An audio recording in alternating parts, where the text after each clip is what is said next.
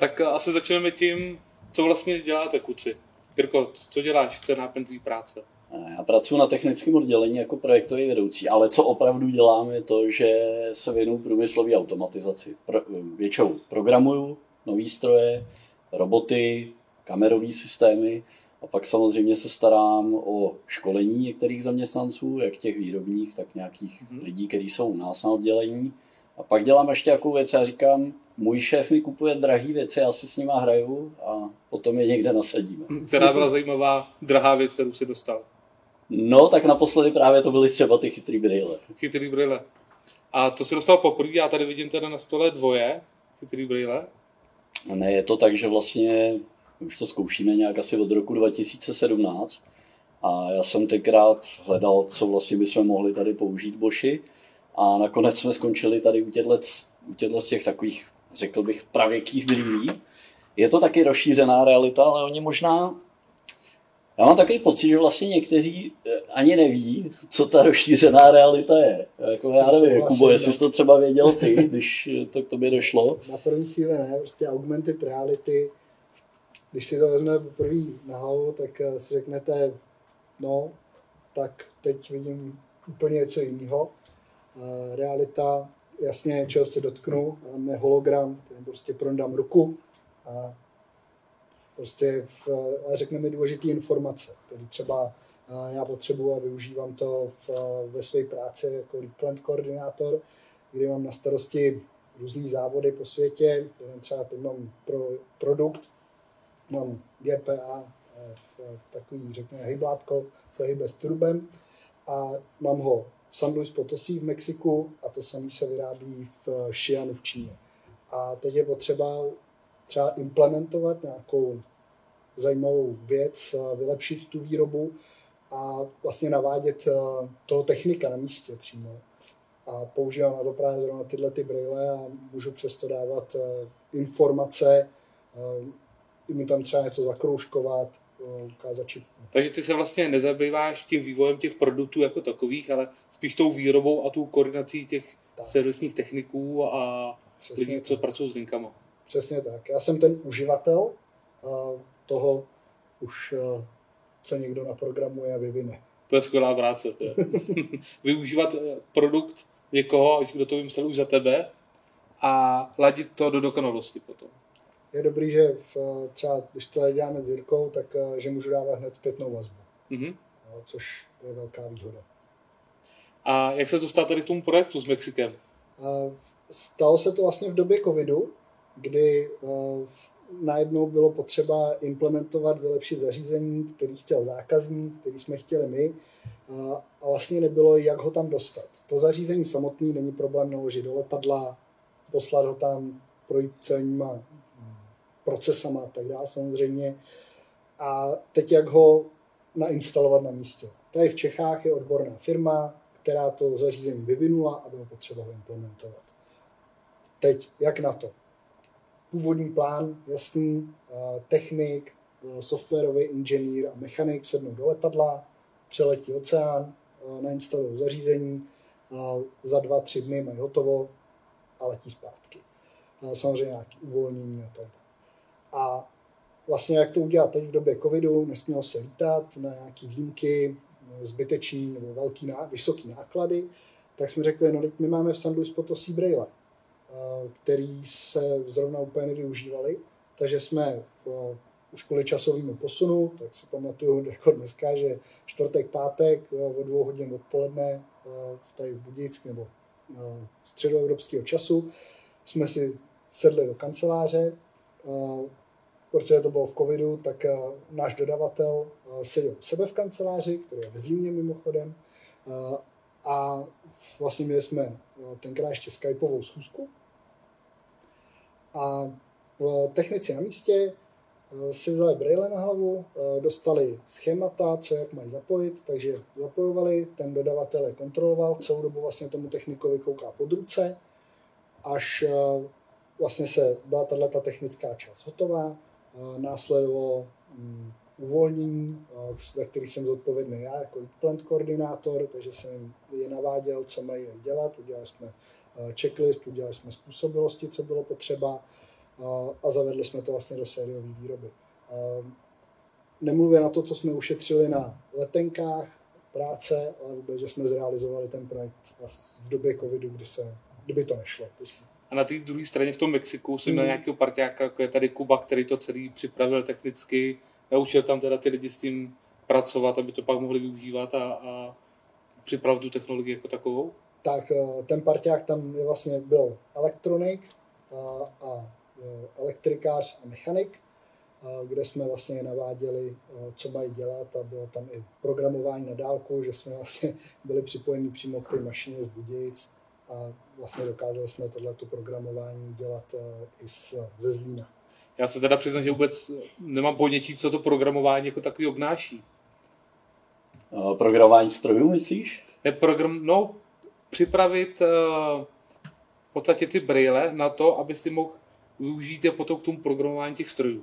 Mm, to jsou úplně jako dvě odlišné úlohy. Jo, braille byly použitý na to, aby ty si se mohl podívat, co se tam reálně děje, mm-hmm. protože ten program třeba v té mašině tam něčím pohybuje, něco tam měří a ty potom můžeš toho člověka využít k tomu, že uděláš něco v tom programu, řekneš mu, jdi se tam podívat a koukáš se, jestli to dělá to, co chce. Jo, proto vlastně vždycky třeba, já to říkám tady v té oblasti, že jo, všichni řeknou, programátoři, ty jsou doma na home office, jo, ty se mají. Ale ty programátoři těch strojů, ty to tak dobrý nemají, protože většinou ty programuješ něco, co něčím hejbe mm-hmm. a potřebuješ se na to podívat, jestli to dělá uh, to, co jsi si představoval. A pak zpětně to vlastně ověřit. Jo, přesně tak. A je zajímavý, že ještě, když se vrátím tady k tomuhle projektu, tak já jsem nějak v tom období byl v Německu a chytil mě tam chlapík a říká mi, hej, já tě znám, já tě znám, my používáme ty tvoje brýle. A říkám, jaký brýle? A no, my tady teďka řešíme s někým v Mexiku něco a mají ty brýle, takže se to takhle ke mně jako oklikou dostalo. Takže ta zpětná vazba je dobrá a když ten produkt funguje, tak se to dostává potom dál mezi lidi. Jo? jo, dokonce jsme to potom někdy dělali, takže ty brýle jsme dali jako do balíku a jenom jsme je někam poslali. Na dálku hmm. jsme těm lidem řekli, ale ovládá se to takhle a takhle, tady musíte máčknout tohle tlačítko a oni už fungovali. A když jste vybírali ty brýle, první si měl teda tady tu první edici, tam byla, předpokládám, asi nějaký, nějaký vlastnosti a postupně jste se dostali k tím lepším. Jak probíhala ta cesta k tomu dostat se k těm lepším, nebo jaký byl ten důvod je vyměnit? No, tady to je taková jenom napůl rozšířená realita, jo? když to teda takhle odpojím ten kabel. A ten kabel je tam nutný, protože tyhle brýle potřebují mít k sobě takovýhle počítač. Mm-hmm. Je to vlastně jako třeba kancelářský notebook, ale menší. Ten si dáte do tohohle pouzdra, hodíte si ho ten sem, propojíte kabelem. A potom, teda tady u těch brýlí, když si to nasadím, tak mám tenhle visor a ta rozšířená realita funguje tak, že já někde jako ve vzduchu před sebou vidím znášející se okno s tím obrazem, ale jenom to jedno okno. Takhle, jak mhm. tady držím tohle, tak takhle vidím to okno a tam vidím třeba tu protistranu, nebo mi tam někdo může sdílet dokument. A to je samozřejmě takový takový jako napůl. Jo? Někdy by se hodilo mít prostě celý to zorný pole pokrytý těma informacema. Ale tyhle brýle jsme začali používat z toho důvodu, že to byly jediný brýle, který jsme byli schopni rozběhnout tady v korporátním prostředí. Protože my máme spoustu eh, věcí týkající se IT bezpečnosti, jak toho, co můžete připojit tady eh, v Boši do sítě, jaký zařízení můžete používat, jaký počítač, jaký operační systém. Takže když jsem věděl, že na trhu je pět dalších výrobců brýlí, tak se dali použít jenom tyhle ty v našem prostředí. Nějakou dobu to fungovalo, eh, tyhle brýle fungují s platformou Skype mm-hmm. a postupně vlastně my, když jsme začali přesedlávat na Teams, tak se ukázalo, že by bylo dobré eh, mít něco, co funguje s těma Teamsama, což teda později pak taky šlo těchto brýlí a už jsme se začali dívat po něčem novým. A tím jsme se dostali k HoloLens, někdy v roce 2020 jsem zkoušel HoloLens 1 a pak teda asi rok na to k nám dorazili HoloLens 2 a ty máme doteď. A má to nějaké omezení, já si kouknu, tady to je taky malý zařízení, to mi přijde taky komfortní na nošení z tohohle, nebolí z toho hlava po nějaký době, když to ten no, když, servisák nosí? Když to porovnám, tak tady musím sebou tahat ten počítač a musím mít připojený ten kabel, který mi tady někde vlaje kolem hlavy. Tohle si dám na hlavu a jsem v pohodě. Teď zase eh, to zorný pole, to, co vlastně vidíte, těch brýlích, mm-hmm. tak eh, je tady mnohem větší. Dokonce větší, než bylo třeba ještě u těch HoloLens 1, takže každý má svoje pro a proti. tenhle počítač je třeba mnohem méně výkonnější, že kdybych chtěl třeba v té obrazovce zobrazovat třeba nějaký 3D modely, tak můžu mít problém. Zase tady už je to nová generace eh, třeba procesoru, takže je, jsou výkonnější. Takže je to výkonnější. A ono to je asi osazený i nějakýma dalšíma senzorama, já koukám tady vepředu, že spousta další kamerů proti tady tomu, tady je jedna teda. No, Tady máme dva, čtyři, pět. jo, eh, tady to vlastně má pouze kameru. No, pouze kameru a ten displej. A vlastně, jako když to vezmu z pohledu třeba toho, co my potřebujeme na TEFu, z pohledu servisu, nebo z pohledu takovéhle vzdálené podpory, Mhm. jako dělá tady Kuba, tak je to plně dostačující, protože naše kritérium bylo takový, že potřebujeme zařízení, u kterého mám volné ruce, to znamená, můžu mít třeba šrobovák a dělat něco v rozvaděči, ale zároveň potřebuji zprostředkovávat to, co já vidím někomu jinému. A jako jenom bonus je ta rozšířená realita, že třeba tam můžu elektrikářovi pustit nějaký plány do toho, něco u nich ukázat. Takže ono to bylo dostačující. Když se bavíme o té plné rozšířené realitě, můžeš si to představit tak, že třeba budeš chtít smontovat motor do auta. A já ti ten motor tady rozložím do jednotlivých dílů na ten stůl a v té rozšířené realitě se ti bude třeba ukázat. Teď vezmi tenhle šroub. Fakt tam uvidíš jako šipku. Mm-hmm. Mhm. Ono hrozně blbě se to popisuje, jo? protože ty lidi, co to neměli na hlavě, tak si to nedovedou představit. Pak se to vezmou a řeknou, wow, jo, takhle to vypadá. Takže doporučuji vyzkoušet ideálně. Teda. Přesně tak, přijďte k nám na oddělení, máme tam ty brýle pořád, můžete si je vzít. Ale abych se vrátil k té montáži, tak máš nějaký návod a teď ti to ukazuje třeba. Sáhni pro tenhle šroub, vlož ho do tohle otvoru, vezmi klíč číslo 10 a dotáhni ho. A fakt ti to ukazuje takovou nějakou animaci, že tam takhle ruka to A co když ten šroub dám někam jinam? Poznají to taky ty brýle? Záleží, je hodně přístupů, jak tohle to řešit.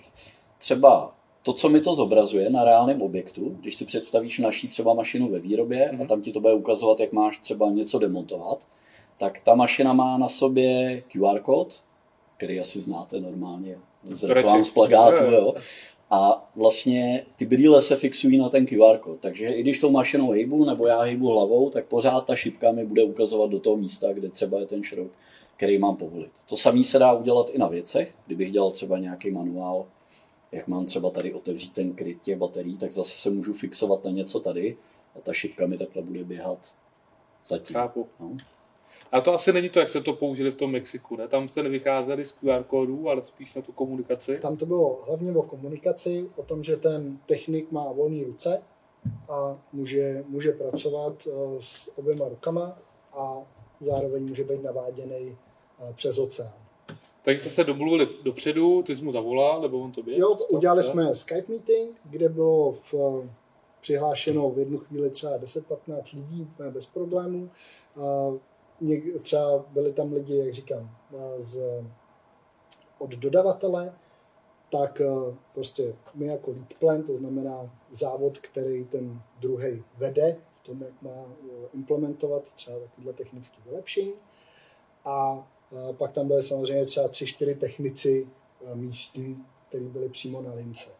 Takže je to důležité na tu komunikaci, každý měl na hlavě headset, to znamená plná komunikace audio a to video bylo vlastně jenom z, z, z tohohle zařízení, s tím, že tomu technikovi do toho jednoho jsme- my jsme mu promítli schéma a říkali, tady je potřeba tenhle kabel dát sem, protože ten stroj je samozřejmě složitý, když si představíte rozvaděč doma, tak to je skoro nic proti tomu, co jsou rozvaděče strojů, a, takže Já jsem to viděl několikrát u nás na linkách, nebo tady v opatrodníš, kde si ty stroje připravují, tak to je obrovská síť z kabelů. Přesně Takže to tak. úplně chápu. se jednou ptal někdo, ještě, ještě dřív, když třeba ty rozvaděče jsem je i dělal, jo? třeba v Mhm. předchozí firmě, nebo jsme tam něco opravovali, otevřeli jsme ten žláb a bylo tam spousta těch drátů, tak tam přišel nějaký chlapík a říkal právě, ty to je jako obdivuhodné, jak vy se v tom můžete vyznat. Já jsem říkal, a kdo říká, že se v tom vyznáme. To tam musí být pořádná mapa k tomu, jinak to nenejde. Ty. Jo, je to tak. Ale ještě se zeptám, když je to schopný najít nějaký konkrétní bod uh, před sebou, uh, umí to měřit teda asi nějak jako vzdálenost, že jo, ty brýle. Asi by to šlo, Jako, když vycházím z toho, co vím o té technologii, tak si myslím, že by to šlo, že by to mohlo měřit třeba vzdálenost mezi dvěma objektama, ale nepotvrdím tuhle informaci. Já jsem totiž někde slyšel, že dokonce se ty brýle dají využívat k mapování.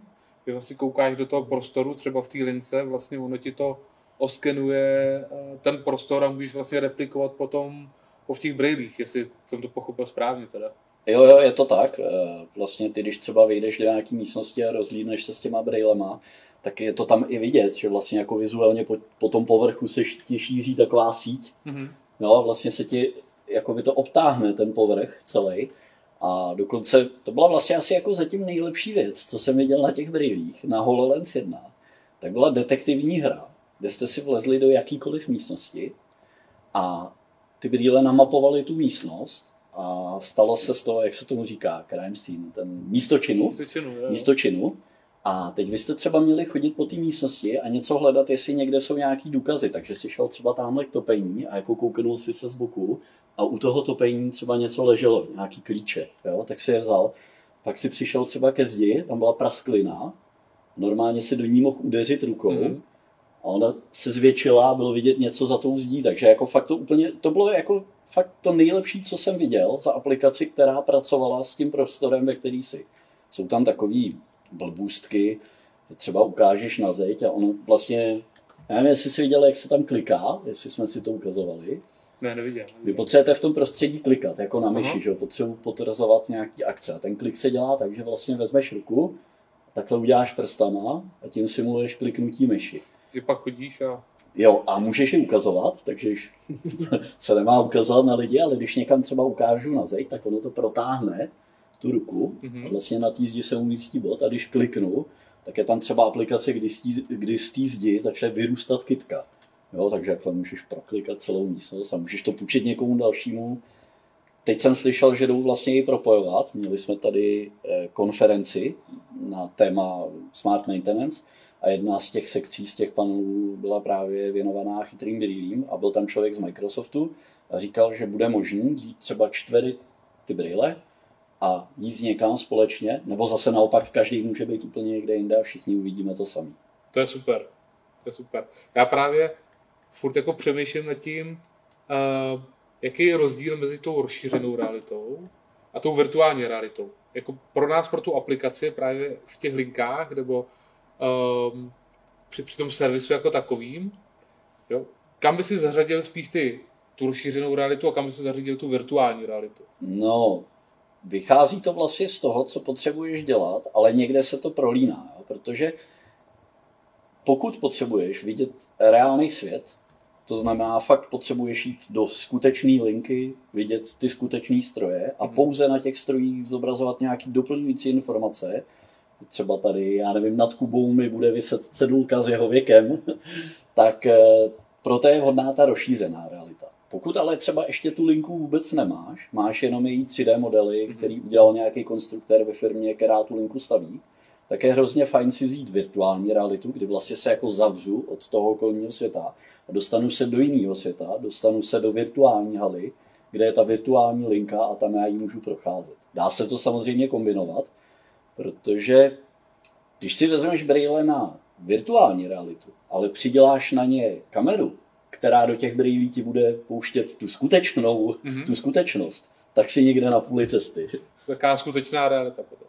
tak já nevím, nevím to, ale viděl jsem to, ono teď se o tom mluví, eh, jako je to trendy, že jo, všichni používají chytrý brýle, ale já jsem viděl někdy v roce 2000 jsem viděl video, kdy tři, tři nebo čtyři Japonci se nahájenili někde v Tokiu, měli na zádech počítače, jakože fakt měli batoh, měli na sobě bednu, měli brýle pro virtuální realitu, ale do ní se posílal obraz toho skutečného světa a oni běhali někde po Tokiu mm-hmm. a hráli hru. To znamená, že on udělal nějaký gesto rukama a teď měl v rukách měl takový ten elektrobol a on ho vzal a hodil ho potom dalším a ten druhý člověk viděl, že to na něj letí a je to fakt někdy v roce 2000. No. To, já se vždycky vzpomínám ten film Ready Player One, kdy v podstatě tam běhají v té virtuální realitě a čekám, kdy to přijde, jestli to bude za pět, za deset let, a nebo dřív? Já nevím. Je to otázka. No, viděli jste třeba teďka eh, poslední video kandidatura pana Janečka? v, v On- metaverzu. Jo, on údajně v Metaverzu dělal kampaň. No, já jsem to viděl právě, že to, jako vůbec teď se nebavím o tom obsahu, ale o tom, jak to vypadalo a bylo to taky jako dost creepy, jo. jo, že mě to, mě to přijde divný. Dobře, když si doma hraješ nějakou hru, jak je to v pohodě, ale nedovedu si představit, že si někde máš to VR a chodíš tam a teď ty lidi na tebe koukají, jak, dělaj, jak děláš ty gesta. U tohohle vypadáš stejně divně, ale pořád ty lidi vidí skrz ten tvůj obličej a Hmm. ví asi, že ty vidíš je. Jako ideální ten Metaverse je na využití třeba pro konference. Já vím, že teď vlastně v rámci Boše jsme měli takovou malou konferenci o technologiích a vlastně měli jsme tam vystaven stánky, kde i lidi z dálky se vlastně mohli připojit Hmm. k tomu metaverzu a podívat se na tu konferenci, aniž by museli cestovat přes půl světa. Takže tady k tomu účelu je to úplně ideální, podle mě. Asi jo, ale pořád to nenahrazuje ten osobní kontakt, i když se na tom dělá. Vím si, že třeba v tom VR ti chybí mimika.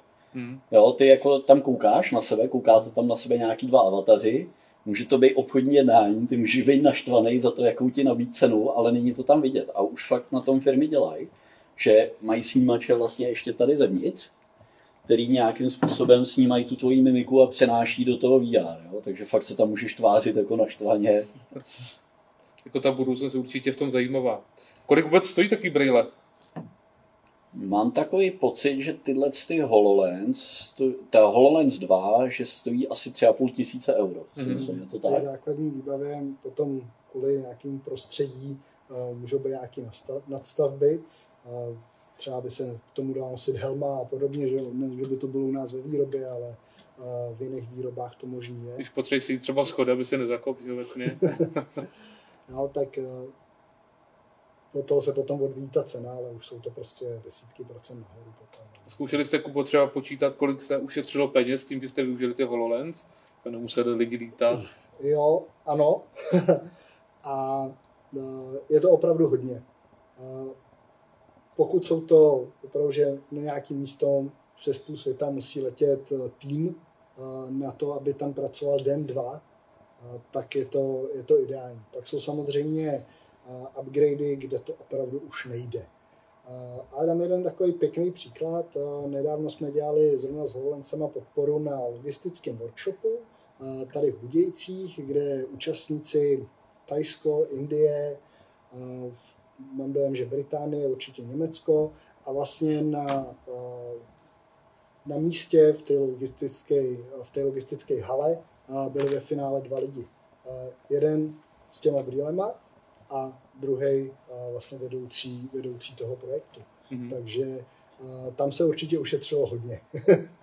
A ty, když děláš také koordinaci uh, lidí v rámci toho našeho lead plantu, potom někam vlastně dál, využíváte tam právě i, i tu virtuální realitu, nejen tu rozšířenou? Eh, V virtuální realitu eh, v budějickém Boši jsem se s tím úplně nesetkal, eh, ale dokážu si představit, že i v té rozšířené realitě, když bychom měli 3D modely linky, jakože je máme samozřejmě, a dají se tam naskládat, tak můžeme udělat, zoptimalizovat tu linku ještě před nějakým start of production. A můžeme tam ušetřit hodně peněz a těm lidem, kteří na té lince pracují, tak můžeme hodně usnadnit život, zlepšit ergonomii, a, už jenom díky těmhle, a, díky těm poznatkům už v té rané fázi v tom 3D modelu, ne, když už je všechno železo poskládané. To je teď velký trend, vlastně to digitální dvojče, že jo? linky, produktu, jo, takže u toho dvojčeté linky samozřejmě, jak říkáš, je třeba optimalizovat potom spoustu věcí. A nepotřebuješ vlastně to VR, jo, protože někdy třeba